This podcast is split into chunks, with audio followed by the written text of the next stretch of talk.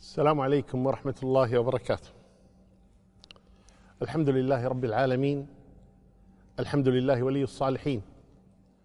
الحمد لله الذي بنعمته تتم الصالحات. ابتداء أسأل الله تبارك وتعالى أن يمن علي وعليكم جميعا باغتنام هذه الفرص التي يهبنا الله تبارك وتعالى إياها.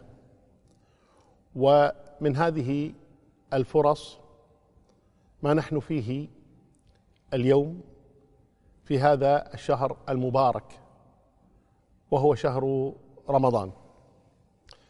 فأشكر القائمين على وزارة النفط على هذه الدعوة المباركة وأسأل الله تبارك وتعالى أن ينفع بهذه الأوقات التي نقضيها معا وإن كانت عبارة عن دقائق إلا إنها عند الله تبارك وتعالى عظيمة. إذا اخلصنا النية لله تبارك وتعالى. فقد أخبر النبي الكريم صلى الله عليه وسلم أنه ما اجتمع قوم في بيت من بيوت الله يتلون كتاب الله ويتدارسونه بينهم إلا غشيتهم الرحمة وحفتهم الملائكة ونزلت عليهم السكينة وذكرهم الله في من عنده. بل جاء في الحديث ما اجتمع قوم في مجلس وليس خاصا ببيت من بيوت الله أي مجلس. المهم الوضع الذي هم فيه من ذكر الله تبارك وتعالى ومدارسة آياته. بل جاء في الحديث عن النبي الكريم صلى الله عليه وسلم أنه قال لأصحابه يوما أيكم يحب أن يغدو كل يوم إلى بطحان أو العقيق فيرجع بناقتين كوماوين عظيمتين من غير ما إثم ولا قطيعة رحم. كل يوم الفجر يذهب يعطونه ناقتين. عظيمتين فقالوا يا رسول الله كلنا يحب ذلك. قال لأن يغدو أحدكم إلى المسجد فيتعلم آيتين خير له من ناقتين وثلاث خير من ثلاث وأربع خير من أربع ومن أعدادهن من الإبل. إن سنة الله تبارك وتعالى في خلقه حياة ثم ممات. هكذا نجد هذه الدنيا. ناس يولدون وناس يموتون وهكذا هي سنة الله تبارك وتعالى. وأيضا من حكمته سبحانه وتعالى في كونه قدوم وفوات فرص. تأتي هذه الفرص ثم تفوت. والسعيد الحضيض الذي أدرك هذه الفرصة ونال منها مبتغاه. والله تبارك وتعالى كما أخبر وربك يخلق ما يشاء ويختار. فالله خالق كل شيء والله يختار من خلقه ما يشاء سبحانه وتعالى ومن حكمته وفضله سبحانه وتعالى أنه فضل أشياء على أشياء. ففضل الأنبياء على سائر البشر وفضل سيدنا محمدا صلى الله عليه وسلم على سائر الخلق. وفضل ماء زمزم على سائر المياه. وفضل الحجر الأسود على سائر الحجارة. وفضل القرآن الكريم على سائر الكتب. وهكذا يفعل الله ما يشاء ويختار ما يشاء من خلقه سبحانه وتعالى. ومن ذلك أن الله جل وعلا فضل شهر رمضان على سائر الشهور. بل جعل فيه ليلة هي خير من ثلاث وثمانين سنة. إنا أنزلناه في ليلة القدر. وما أدراك ما ليلة القدر. ليلة القدر خير من ألف شهر. من ثلاث وثمانين سنة. ليلة. تأتينا في كل سنة. فمن جاوز عمره الأربعين كم مرة أدرك هذه الليلة وهو عاقل بالغ؟ فمن بلغ الخمسين فمن بلغ الستين كم مرة أدرك هذه الليلة التي هي خير من ثلاث وثمانين سنة؟ شرع الله تبارك وتعالى بفضله ومنه وكرمه هذه المواسم مواسم الخير لجني الحسنات وتخفيف السيئات. إن مجرد إدراك رمضان نعمة كبرى وإنما من يقدرها؟ المشمرون. الحريصون على رفع الدرجات وعلى تكفير السيئات. إن الفرص لا تعود. وإن فاتت كانت بعدها حسرة. كيف لا؟ وقد صعد النبي صلى الله عليه وسلم يوما درجات منبره. ودرجات منبره صلى الله عليه وسلم ثلاث. فلما وضع قدمه على الدرجة الأولى قال آمين. ثم لما وضع قدمه على الدرجة الثانية قال آمين. ثم لما وضع رجله قدمه على الدرجة الثالثة قال آمين. فبعد أن أنهى كلمته صلى الله عليه وسلم سأله أصحابه يا رسول الله صعدت من بركة فسمعناك تقول آمين آمين آمين. فقال صلوات ربي وسلامه أرجو أن نهتم كثيرا بهذا الحديث. قال صلى الله عليه وسلم أتاني جبريل؟ فقال لي فقال لي يا محمد رغم أنفه من أدرك والديه أحدهما أو كليهما ثم لم يدخل الجنة. قل آمين. فقلت آمين. قال يا محمد عندما صعد درجة قل آمين. من أدرك رمضان رغم أنفه من أدرك رمضان فلم يغفر له. قل آمين. قال فقلت آمين. فلما صعد الثالثة قال رغم أنفه من ذكرت عنده فلم يصلي عليك. قل آمين. فقلت آمين. صلى الله عليه وسلم. فانظروا كم نفوت من الخير العظيم الذي يهبه الله تبارك وتعالى لعباده المؤمنين. فبدل أن نكون من المتحسرين والأمر ما زال فيه سعة. نعم انتصف رمضان لكن لم يذهب. ما زال في الوقت سعة. ما زالت الرحمات تتنزل. ما زال شهر المغفرة شهر الرحمة شهر التوبة ما زال بين أيدينا. ولله الحمد في العمر بقية. قبل أن يفوت علينا هذا الشهر المبارك. فلذلك علينا أن نشمر عن سواعد الجد فتسمو نفوسنا وتصفو قلوبنا استجابة لربنا حتى نتلقى بكل شراح صدر وفرح وسعادة. قول الله تبارك وتعالى إنما يوفى الصابرون أجرهم بغير حساب. نترك طعامنا نترك شرابنا نترك شهواتنا نتلذذ بطول القيام بين يدي ربنا تبارك وتعالى. هذا الشهر الكريم أول ما يدخل أخبر النبي صلى الله عليه وسلم أنه تفتح فيه أبواب الجنان.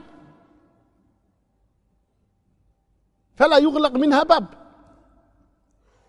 وبالعكس تغلق أبواب النيران. فلا يفتح منها باب. وتصفد الشياطين ومردة الجن. وينادي مناد يا باغي الخير أقبل. تعال فرصتك. أبواب الجنة مشرعة. أبواب النار مغلقة. الشياطين مصفدة. أقبل. يا باغي الخير يا مريد الخير يا محب الخير يا راجي الخير أقبل. ويا باغي الشر اقصر إلزم مكانك. لا تتحرك لا تتقدم أقصر. ولله عتق في هذا الشهر وذلك في كل ليلة. عتقاء أتدرون ما معنى عتقاء عتقاء ناجون من النار. ماذا نريد؟ ألسنا نسأل الله الجنة ونعوذ بالله من النار؟ ألسنا ندعوه رغبا ورهبا ندعوه خوفا وطمعا؟ ألسنا نقول في دعائنا اللهم إنا نسألك الجنة وما قرب إليها من قول وعمل ونعوذ بك من النار وما قرب إليها من قول وعمل الله جل وعلا بفضله ومنه وكرمه له عتقاء في هذا الشهر الكريم الذي مضى منه أربع عشرة يوم أربعة عشر يوما. ونحن في الخامس عشر. وبقي لنا خمسة عشر يوما أو أزيد. قد تكون ستة عشر يوما. مع اليوم طبعا. ولله في كل يوم عتقاء. فلم لا نكون نحن من عتقاء هذا اليوم؟ أو الغد؟ أو بعد غد؟ وكيف نكون من عتقاء؟ إذا تذكرنا قول الله تبارك وتعالى شهر رمضان الذي أنزل فيه القرآن. إذا تذكرنا قول الله جل وعلا يا أيها الذين آمنوا كتب عليكم الصيام كما كتب على الذين من قبلكم لعلكم تتقون. إذا حصلنا التقوى ونلناها بجدنا واجتهادنا وتوفيق ربنا سبحانه وتعالى والذي لا يمنع أحدا سلك هذا الطريق ولا يرد أحدا سبحانه وتعالى والذين جاهدوا فينا لنهدينهم سبلنا. ما يفعل الله بعذابكم إن شكرتم وآمنتم وكان الله شاكرا عليما سبحانه وتعالى. فلنبدأ في تصحيح علاقتنا مع ربنا تبارك وتعالى. وهذا يبين لنا الخطأ الذي يقع عند كثير من الناس وهو ظنهم أن أول عشرة أيام من رمضان رحمة وأوسطه مغفرة واخره عتق من النار. هذا باطل. رمضان كله رحمة. رمضان كله مغفرة. رمضان كله عتق من النار في كل يوم. وهذا الحديث أوله رحمة وأوسطه مغفرة وآخره عتق من النار حديث باطل. لا يصح عن النبي صلى الله عليه وسلم ولا تجوز نسبته إليه. صلوات ربي وسلامه عليه. بل لله عتقاء بالأمس وله عتقاء في اليوم وله عتقاء غدا. وهكذا حتى يتم الله جل وعلا الشهر كله. إن الخسارة كل الخسارة أن يخرج هذا الشهر ولم نغير أنماط حياتنا. لم نقترب من الله أكثر. لم نبتعد عن السيئات أكثر. هذا هو الخسران المبين. فلنحرص على أن نستثمر هذه الأوقات هذه الأيام هذه المواسم بما يرجع علينا بالخير حتى نلقى الله تبارك وتعالى ونحن في أعلى عليين. اللهم آمين. صلى الله يجمعني وإياكم في الفردوس الأعلى. اللهم آمين. يقول النبي الكريم صلى الله عليه وسلم بني الإسلام. هذا الدين العظيم. بني الإسلام على خمس. شهادة أن لا إله إلا الله وأن محمدا رسول الله وإقام الصلاة وإيتاء الزكاة وصوم رمضان وحج البيت. خمسة أركان. فالصيام ركن. ومع هذا أيضا رتب الله عليه الأجر العظيم. يقول النبي صلى الله عليه وسلم من صام يوما في سبيل الله باعد الله بينه وبين النار سبعين خريفا سبعين سنة مسافات عظيمة.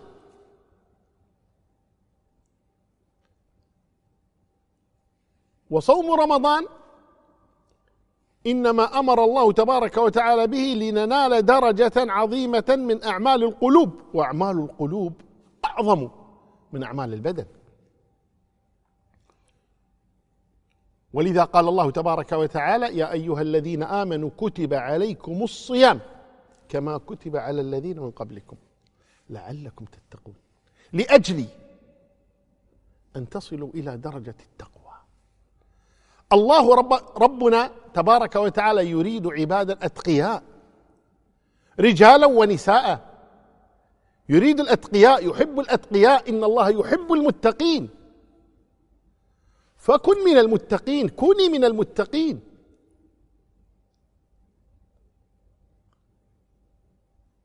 والتقوى كما فسرها الإمام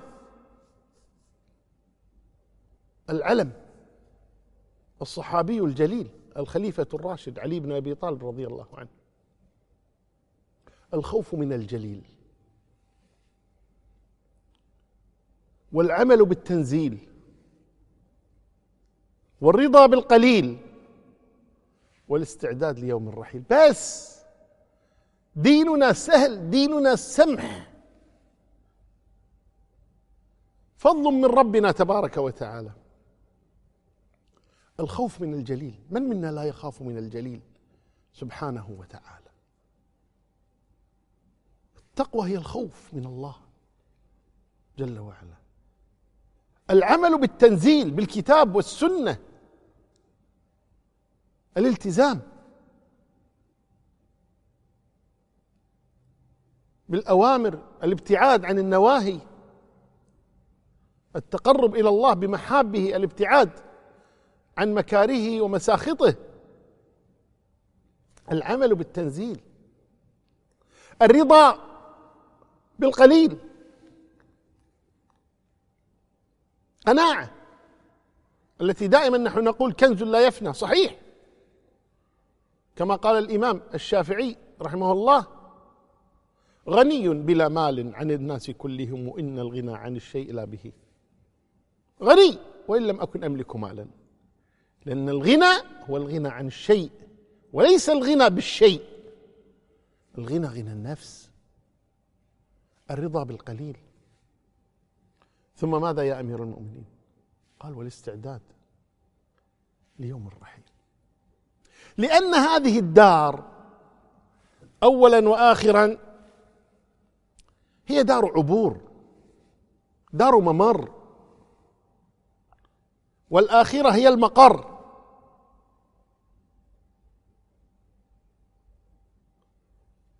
نحن في هذه الدنيا خلقنا لغاية.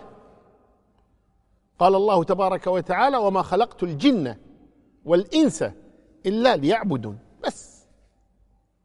اعبد الله اعبد الله فلنكن عبادا لله رجالا ونساء. ندخل جنات تجري من تحتها الأنهار. ندخل دار ندخل دار الخلد. خالدين فيها أبدا. هل تتصورون ما معنى هذا الكلام؟ أن نكون خالدين في جنات النعيم؟ نصيحة محب. اقرأوا وكرروا النظر في سورة الدهر سورة الإنسان. وما ذكر الله تبارك وتعالى فيها من نعيم أهل الجنة. أعيدوا قراءتها مرة ومرتين وثلاث ثم بعد ذلك اقرأوا تفسيرها. وحاولوا أن تتدبروها مع أنها واضحة جدا. ثم فكروا ولنفكر جميعا فيما نحن فيه. هل تستحق هذه الدنيا بما فيها من الكدر والهم والحزن والضيق والألم. هل تستحق أن نضيع هذه الجنة لأجلها؟ أن نضيع هذا النعيم لأجلها؟ هذا لا يقول به عاقل. لذا دعوة من محب لكم فلنقرأ سورة الدهر سورة الإنسان ولنتأمل ما فيها. ثم بعد ذلك أتصور سنزهد في هذه الدنيا. كان سيدنا وحبيبنا محمد صلوات ربي وسلامه عليه أجود الناس بلا استثناء وكان أجود ما يكون في رمضان. يوم يلقاه جبريل يدارسه القرآن فكان أجود بالخير من الريح المرسلة صلى الله عليه وسلم. هذا الشهر هو شهر القرآن. هل تعلمون أن الصيام والقرآن يأتيان يشفعان لقارئهما وصائمهما؟ يقول النبي صلى الله عليه وسلم الصيام والقرآن يشفعان للعبد يوم القيامة. يشفعان. يقول الصيام أي ربي منعته الطعام والشهوة. شفعني فيه. يطلب الصيام أن يشفع فيك عند الله يشفع لك. عند الله تبارك وتعالى. يقول القرآن منعته النوم بالليل. شفعني فيه. القرآن. يسأل الله تبارك وتعالى أن يشفع لك. الصوم والقرآن يشفعان. ماذا قال النبي الكريم صلى الله عليه وسلم؟ قال فيشفعان. أي يشفعهم الله تبارك وتعالى. يشفعان. ماذا نريد أكثر من ذلك؟ والله إن الله تبارك وتعالى ليقدم لنا الحسنات على صحاف من ذهب وفضة. خذ ما تشاء ودع ما تشاء. وأنت السعيد إذا أخذت وأنت السعيد إذا أخذت. الخاسر وحدك إذا تركت. هذا الشهر هو شهر القرآن. هذا الشهر هو الذي أنزل الله فيه القرآن. شهر رمضان الذي أنزل فيه القرآن. هذا الشهر شهر القراءة شهر التدبر. أفلا يتدبرون القرآن أم على قلوب أقفالها؟ فيهتم الإنسان المسلم بقراءة كتاب الله تبارك وتعالى والإكثار من النظر فيه في هذا الشهر الكريم. تعالوا نتأمل قول النبي صلى الله عليه وسلم من صام رمضان إيمانا واحتسابا غفر له ما تقدم من ذنبه. من صام رمضان.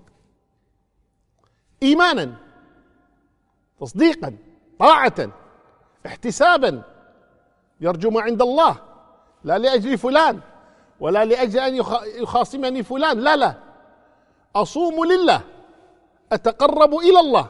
من صام رمضان إيمانا واحتسابا غفر له ما تقدم من ذنبه. تصور تصوري مجرد أن نتم هذه الأيام التي بقيت أسبوعان وشيء. مجرد أن نتم صيام هذه الأيام مؤمنون محتسبون عند الله تبارك وتعالى صفحة السيئات صفر. فراغ لا شيء. غفر له ما تقدم من ذنبه. ما تقدم.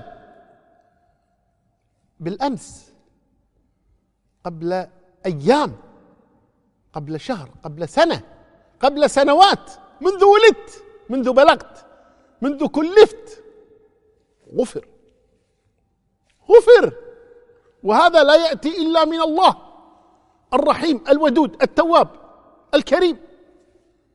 سبحانه وتعالى. ذو الفضل العظيم. مجرد أن تصوم هذا الشهر.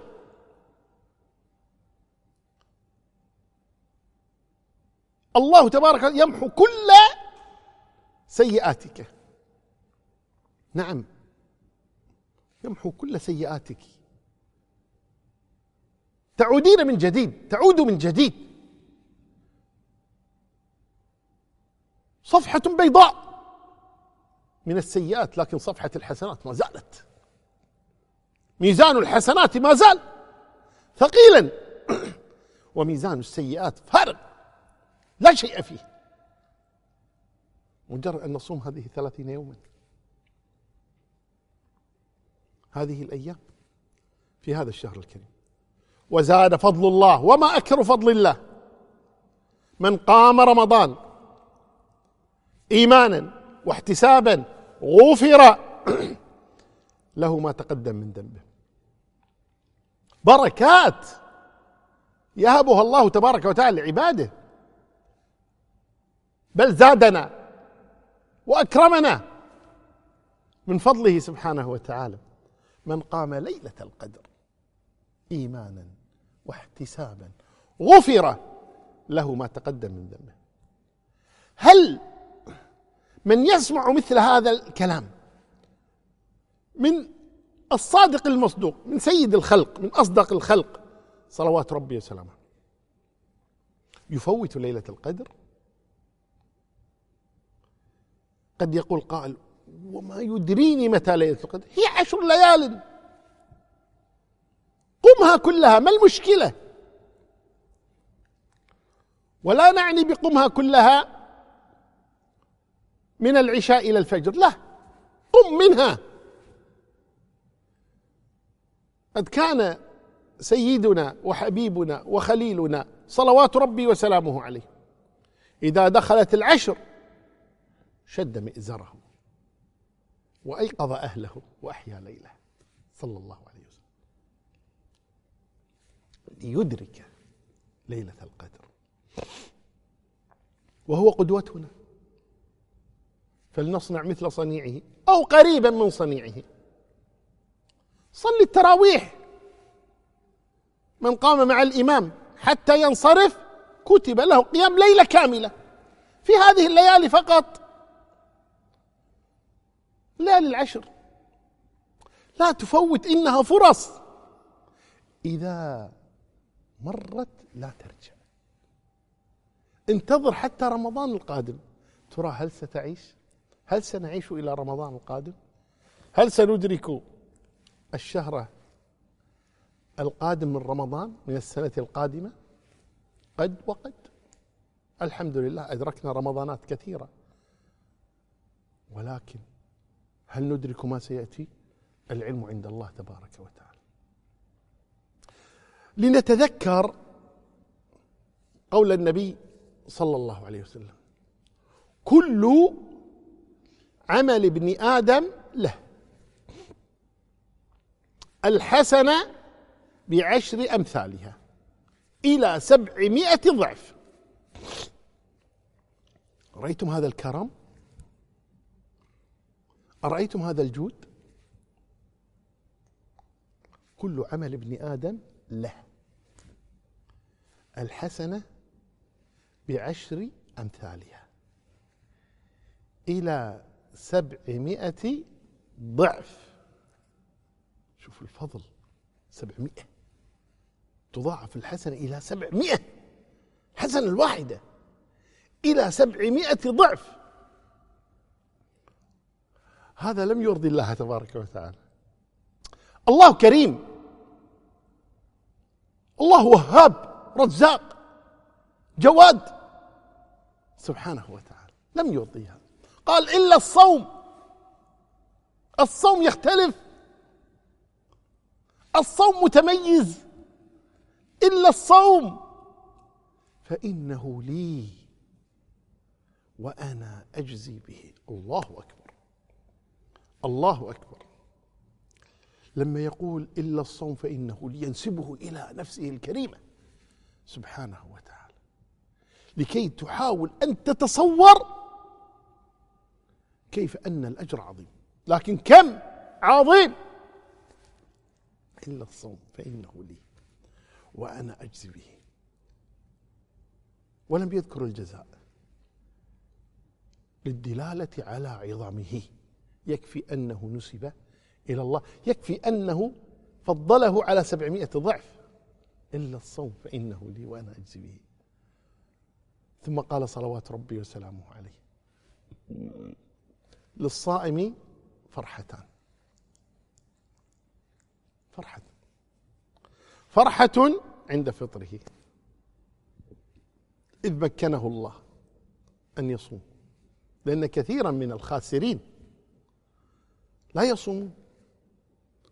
ولا يتقربون إلى الله تبارك وتعالى. وأنت وأنت وفقكم الله سبحانه وتعالى للصوم. هذه نعمة. أن يوفق الإنسان إلى الخير. نعمة عظيمة. اختارك الله اختارك الله ميزك ميزك. هذا فضل عظيم جدا من الله تبارك وتعالى. فرحة عند فطره أن كمل صوم يومه ولم يخدشه ولم يفسده. وفرحة عند لقاء ربه الله. فرحة عند لقاء ربه عندما نلقى الله جل وعلا وقد صمنا هذا الشهر. تذكروا إيمانا واحتسابا. نأتي في ذلك اليوم العظيم ننتظر الجزاء. إنما يوفى الصابرون أجرهم بغير حساب. نتذكر إلا الصوم فإنه لي وأنا اجزي به. نأتي فرحين مستبشرين في ذلك اليوم العظيم. والشاهد من هذا قول الله تبارك وتعالى في الحديث القدسي يدع طعامه وشرابه وشهوته من أجلي. الصيام ليس فيه نفاق ليس فيه رياء. يدع طعامه وشرابه وشهوته من اجلي جالس لوحده في البيت في غرفته في سيارته في ظلمة الليل. لا ظلمة الليل ما تصلح. في النهار في مكان مغلق ومع هذا لا يفطر طاعة لله. يدع طعامه وشرابه وشهوته من أجله أي من أجل الله تبارك. تقربا إلى الله. رجاء ثواب الله. رجاء محبة الله له. رجاء قبول الله تبارك وتعالى. لهذا الأمر ثم انظروا تناسب الآيات. لما ذكر ربنا تبارك وتعالى آيات الصيام. يا أيها الذين آمنوا كتب عليكم الصيام كما كتب على الذين قبلكم. شهر رمضان الذي أنزل فيه القرآن. هدى للناس وبينات من ثم بعدها وإذا سألك عبادي عني فإني قريب. أجيب دعوة الداعي إذا دعان. فليستجيبوا لي وليؤمنوا بي لعلهم يرشدون. أتى بآية الدعاء بين آيات الصيام. ثم أتبعها آيات الصيام. أحل لكم ليلة الصيام الرفث إلى نسائكم. فأتى بهذه الآية وإذا سألك عبادي عني فإني قريب. يرشدنا سبحانه وتعالى إلى أن دعوة الصائم لا ترد. أدخلها بين آيات الصيام. ادعوني أنا قريب. أنا أجيب دعوة الداعي إذا دعان. ولكن فليستجيبوا لي. وليؤمنوا بي. إيمانا واحتسابا. يدع طعامه وشرابه وشهوته من أجلي. فإذا كان الأمر كذلك فإن الله تبارك وتعالى يقبل منا هذا الصوم. واعلموا عباد الله وإيماء الله لنعلم جميعا أن في الجنة بابا يقال له باب الريان. لا يدخل منه إلا الصائمون. صائم الفرض وصائم النافلة. يدخلون من هذا الباب باب الريان. باب عظيم. أعده الله للصائمين. وأن هذا الشهر الكريم عمرة فيه. كحجة مع النبي صلى الله عليه وسلم. عمرة في رمضان كحجة معي. يقول صلى الله عليه وسلم. ولكن أيضا لنتنبه لأمر. ألا وهو أن الإنسان إذا صام لا يصوم بطنه فقط بل يصوم كله. تصوم جوارحنا كلها لله تبارك وتعالى. ولذا جاء في الحديث عن النبي صلى الله عليه وسلم من لم يدع قول الزور والعمل به والجهل فليس لله حاجة في أن يدع طعامه وشرابه. الله لا يحتاج إلى عباداتنا. لا يحتاج. أنتم الفقراء إلى الله. نحن الفقراء إلى الله سبحانه نحن الذين نحتاج. لو أن أولكم وآخركم وإنسكم وجنكم كانوا على أتقى قلب رجل واحد منكم ما زاد ذلك في ملكي شيئا. إنكم لن تبلغوا نفعي فتنفعوني. الله لا ينتفع بصيامنا. نحن الذين ننتفع. نحن الذين نحتاج. نحن الذين نتقرب إلى الله تبارك وتعالى. وأرشدنا النبي صلى الله عليه وسلم وهذه رسالة لبعض من يقول إنه عصبي وكذا. يقول النبي صلى الله عليه وسلم قال الله كل عمل ابن آدم له إلا الصوم. فإنه لي وأنا أجزي به. والصوم جند جنة حماية. إذا كان صوم إذا كان يوم صوم أحدكم فلا يرفث ولا يصخب. فإن سابه أحد أو شاتمه فليقل إني امرؤ صائم. لا يستدرجنكم الشيطان. لا يستدرجنكم الشيطان. وختاما أقول كما قال النبي الكريم صلى الله عليه وسلم من فطر صائما كان له مثل أجره غير إنه لا ينقص من أجر الصائم شيئا. تصور أنك تصوم ثلاث رمضانات أربع رمضانات في سنة واحدة تفطر أسرة من خمسة أفراد وتصوم أنت شهر رمضان كأنك صمت ست رمضانات. لا ينقص من أجورهم شيء.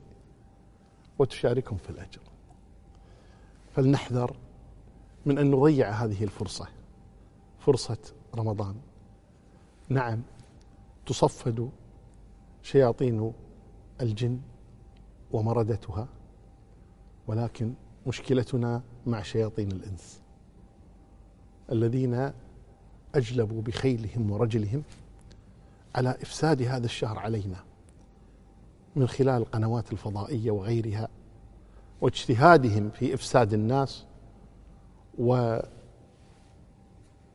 وتنقيص حسناتهم ووقاعهم في السيئات من خلال هذه التمثيليات وهذه المسلسلات التي يتسابقون سبحان الله فيها في شهر رمضان. ليفسدوا عليكم صومكم. ليفسدوا عليكم افطاركم مجرد أن يفطر الإنسان يبدأ بهذه التمثيليات وهذه المسلسلات التي أكثرها سيء. فعلينا أن نتقي الله تبارك وتعالى ونحفظ صيامنا.